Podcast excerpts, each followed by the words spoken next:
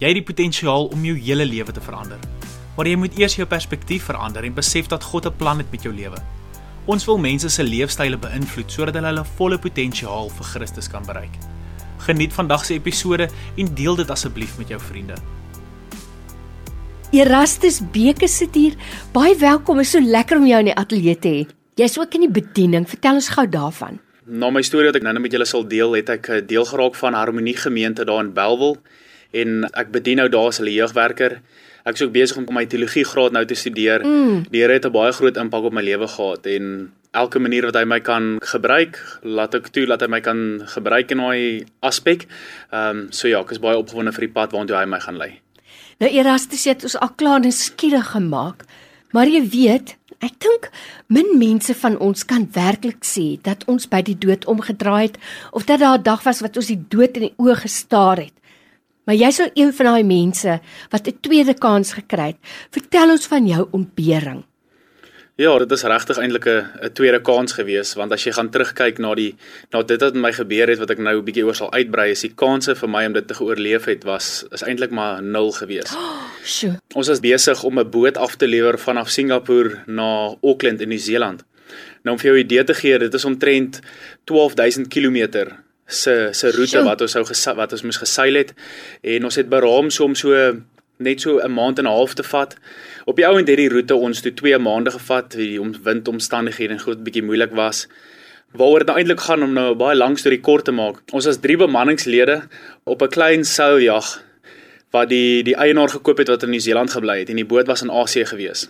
En ons het toe die werk gekry om die boot van Singapore af Auckland toe te seil en dan sou hulle ons teruggevlieg het en ons sou so verder gegaan het. Die roete was eerstens baie gevaarlik. Ons is die derde bemanningsgroep wat gevra is om dit te doen mm. as gevolg van tornado's en siklone sure. en ook erg seerowery in die gebied waardeur ons sou geseil het. Omdat die Indonesië vissermanne so swaar kry in die Sulu en die Celebi See, ehm um, gaan baie van hulle oor in seerowery om hulle mm. families te voer. Wat mens kan verstaan, maar hulle is baie moorddadig ook van hulle. Sure. So dit het baie mense afgeskrik, maar toe ek die geleentheid het om dit te kan doen, het ek dit met albei hande aangegryp. En ons het vertrek hier rondom die die 10de Augustus is ons weg uit Singapore uit. En ons het baie lekker geseil en dinge het baie goed gegaan omdat ons 3 was, het ons watches gehad wat ons maar moes gesit het 3 ure in die aand en 4 ure deur die dag.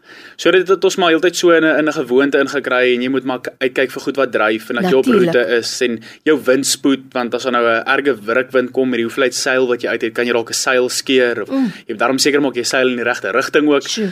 En ehm um, Ons het deur die seerower gebiede gegaan sonder enige voorvalle. Daar het 'n paar vissermansbote baie ongemaklik naby eintlik gekom. Ja.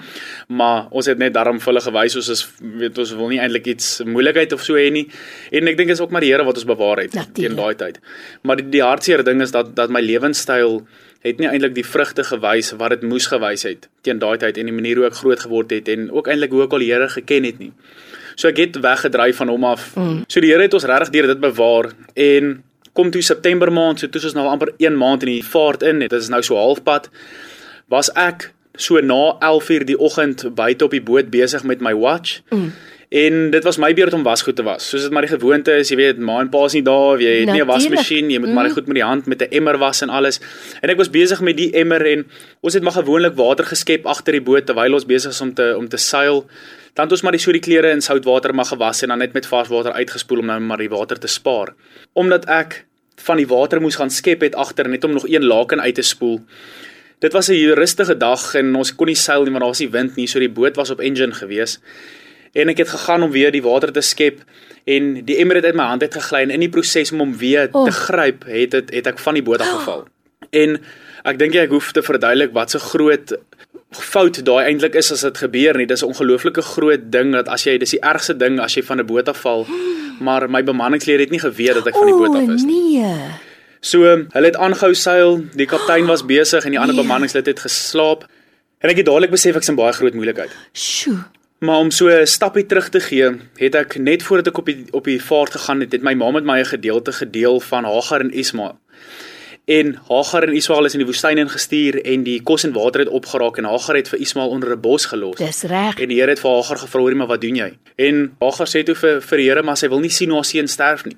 En die Here sê toe vir haar gehoor, ja, Hagar, ek het die stem van die seun gehoor daar waar hy is. En sy sê maak nie saak of jy op die boot, in die boot, onder die water of in die water is nie. Roep en die Here sal jou hoor. Sjoe.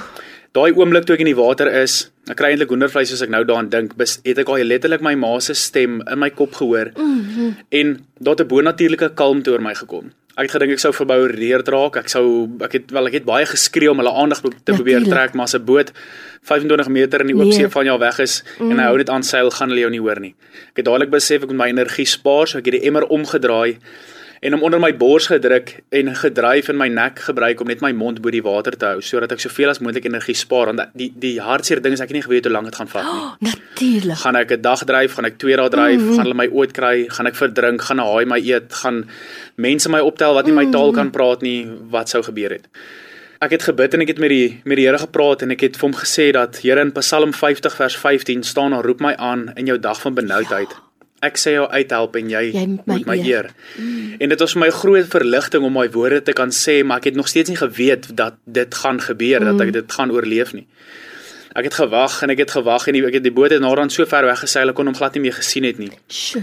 45 minute nadat ek afgeval het, het die bemanningslede eers besef ek is nie meer daar nie en in daai hoeveelheid tyd het hulle so ver al gevorder dat die punt toe hulle omdraai en my begin soek, het ek al meer as 'n kilometer gedryf van die oorspronklike punt af waar ek afgeval het saam met die stroom. En hulle het gesoek en hy het 'n heen en weer roete oor die roete wat ons eers geseil het gemaak. En hulle het by klomp goed gestop soos bome en plastiek sakke mm. en bottels want daar in die diepsee is mos maar, maar baie rommel en mm. goed wat dryf. En hulle het naderhand begin moed verloor dat hulle my eintlik dan nou weer lewendig sal kry. Net voordat hulle wou in 'n ander rigting begin soek het die ander bemanningslid wie ek ongelukkig deur die hele trip eintlik maar 'n bietjie bestempel het as blind, maar die Here ook maar vir my gewys het ons moet pas op wat ons vir mense mm. sê, het hy die seevoëls wat bo my begin draai het, begin die het hy dit deur die verkyker raak gesien. En hy het gesê kom ons gaan kyk daar mm. net voordat ons in 'n ander rigting gaan. Die kaptein het toe ingestem en toe hulle daar in daai rigting begin seil, toe was dit genadiglik ek. Prys die Here. So van hulle kant af het hulle die voëls gesien en die video wat hy geneem het toe hulle naderkom, is dit so so klein muurspikkeltjie. Hemel. Ek het nog nie die video op sosiale media gelaai nie, maar my plan is nog om dit te doen waar ek my hele storie kan Ja. vertel en en en iets vir mense wys van hoe hoe ongelooflik is hierdie Here wat ons dien. So dit was my 'n ongelooflike groot ondervinding en uit my uit my perspektief uit toe ek in die daar in die water was, was die Here baie met my besig. Jy soos jy sê ek het die dood in die gesig gestaar en ek het gedink hierdie is die dag dat ek gaan sterf en dadelik het daar dinge in my kop begin deurgaan hoorie maar Erastus jy sterf vandag. Wat los jy agter? Mm, nie my kar of my huis of my my reputasie nie, maar in wie se lewe het ek ingeploeg? Wie se vir wie het ek iets beteken? Ek het gedink aan mense wat ek te nagekom het. Ek het gedink aan die manier hoe ek geleef het en eintlik die potensiaal wat ek al klaar toegehad het om iets vir die Here te beteken en ek het dit glad nie gedoen nie. So ek moes tot by tot by 'n besef kom dat ek is besig om my in die Here se tyd te mors en om met sy genade eintlik vir my lewe te speel. Sjoe. So ek moes vir die Here eersins jammer gesê oor die manier hoe ek opgetree het, maar van daai dag af het daar 'n proses in my lewe begin gebeur waar die Here absoluut met my besig is. Hy het my gehelp om 'n klomp van my slegte gewoontes te los. Ek is besig om net in hom te groei en my verhouding met hom en saam met hom te journey. En vir enige iemand wat deur moeilike goed gaan of wat voel hoorie ek is in diep water, dit dit voel of ek alleen is. Ek weet ek meen ek was 600 km van land af in 4 km diep water. Dit is dit is ja, dit, ek kan nie dit vir jou beskryf nie. As jy Ek wil jou net gou vir onderbreek en vir jou vra. As jy na die water kyk, jy weet, lyk dit swart. Jy besef dis bitter diep. Ja, dit was kyk, dit was die son het baie mooi geskyn. So ek het 'n paar keer actually my kop onder die water gedruk om te kyk of daar iets wat aan my tone gaan kou. En genadiglik was daar nie. Hmm. Maar as jy inkyk in die water dan jy sien die sonstrale wat diep die water penetreer en naderhand dan word dit net weg. So dan dit is so donker, donkerblou. Jy daar is daar's niks. Jy dit is eintlik so dis die alleenste wat ek al ooit in my lewe was en ooit weer sal wees. So die Here het net vir my gewys, maak nie saak of ek alleen is en ek deur iets gaan nie, hy's altyd by my en hy maak nie saak waarheen jy deur gaan nie, roep aan roep sy naam aan. Maar as hy jou uithelp, moet jy hom eer. So hier is nou wat ek Absoluut. besig is om te doen, is as ek is besig soos ek sê om my deel van die bargain te doen omdat hy my gehelp het is my lewe nou sodat ek vir hom kan eer gee vir dit wat hy in my lewe gedoen het. Erastus, jy het dit nou so mooi gesê vir iemand wat dalk vandag in diep donker water is. Wat voel daar is nie uitkoms bo onder links of regs nie. As jy dalk iemand is wat na ons luister vandag wat net sê, "Miskien is dit vir julle, maar dis nie vir my nie. Die Here het my verlaat." Wat 'n boodskap het jy vir so 'n persoon? Dit is eintlik vir my ongelooflik om dit te kan deel, want ons kan 'n verhouding hê met die verlosser wat op water loop. Dit maak nie saak hoe diep jy hoe jou water rondom jou voel nie. Maak nie saak of jy voel of jy geïsoleerd is in die diepste see op die alleenste eiland. Die Here is altyd by jou. Jy kan net jou hande na hom toe uitsteek en hy sal jou soos 'n vader omhels en hy sal jou help en op 'n pad saam met jou stap sodat jy die beste weergawe vir hom en vir sy plan kan wees. Wat 'n kragtige getuienis. Baie baie dankie. So as 'n groep jou wil nader en vir jou wil vra met hulle jou getuienis te kom deel of 'n persoon, 'n individu wat sê dit is nou te veel vir my, hoe kan hulle met jou kontak maak? Ek doen ek doen dit regtig graag. Ek doen graag skoolopeninge en vir funksies as mense mm. wil hê ek moet hulle bietjie kom gesels. Hulle kan vir my 'n e e-pos stuur by jeug@harmoniegemeente.co.za of my naam erastusbekes@gmail.com. En onthou die Here is net 'n gebed ver. Baie dankie dat jy nou nog 'n episode geluister het. As jy enige geestelike hulp nodig het of graag wil deel word van 'n groep jong mense wat elke Woensdag aand bymekaar kom, stuur asseblief vir ons 'n e-pos na jeug@harmoniegemeente.co.za of volg ons op Instagram en Facebook vir meer inligting.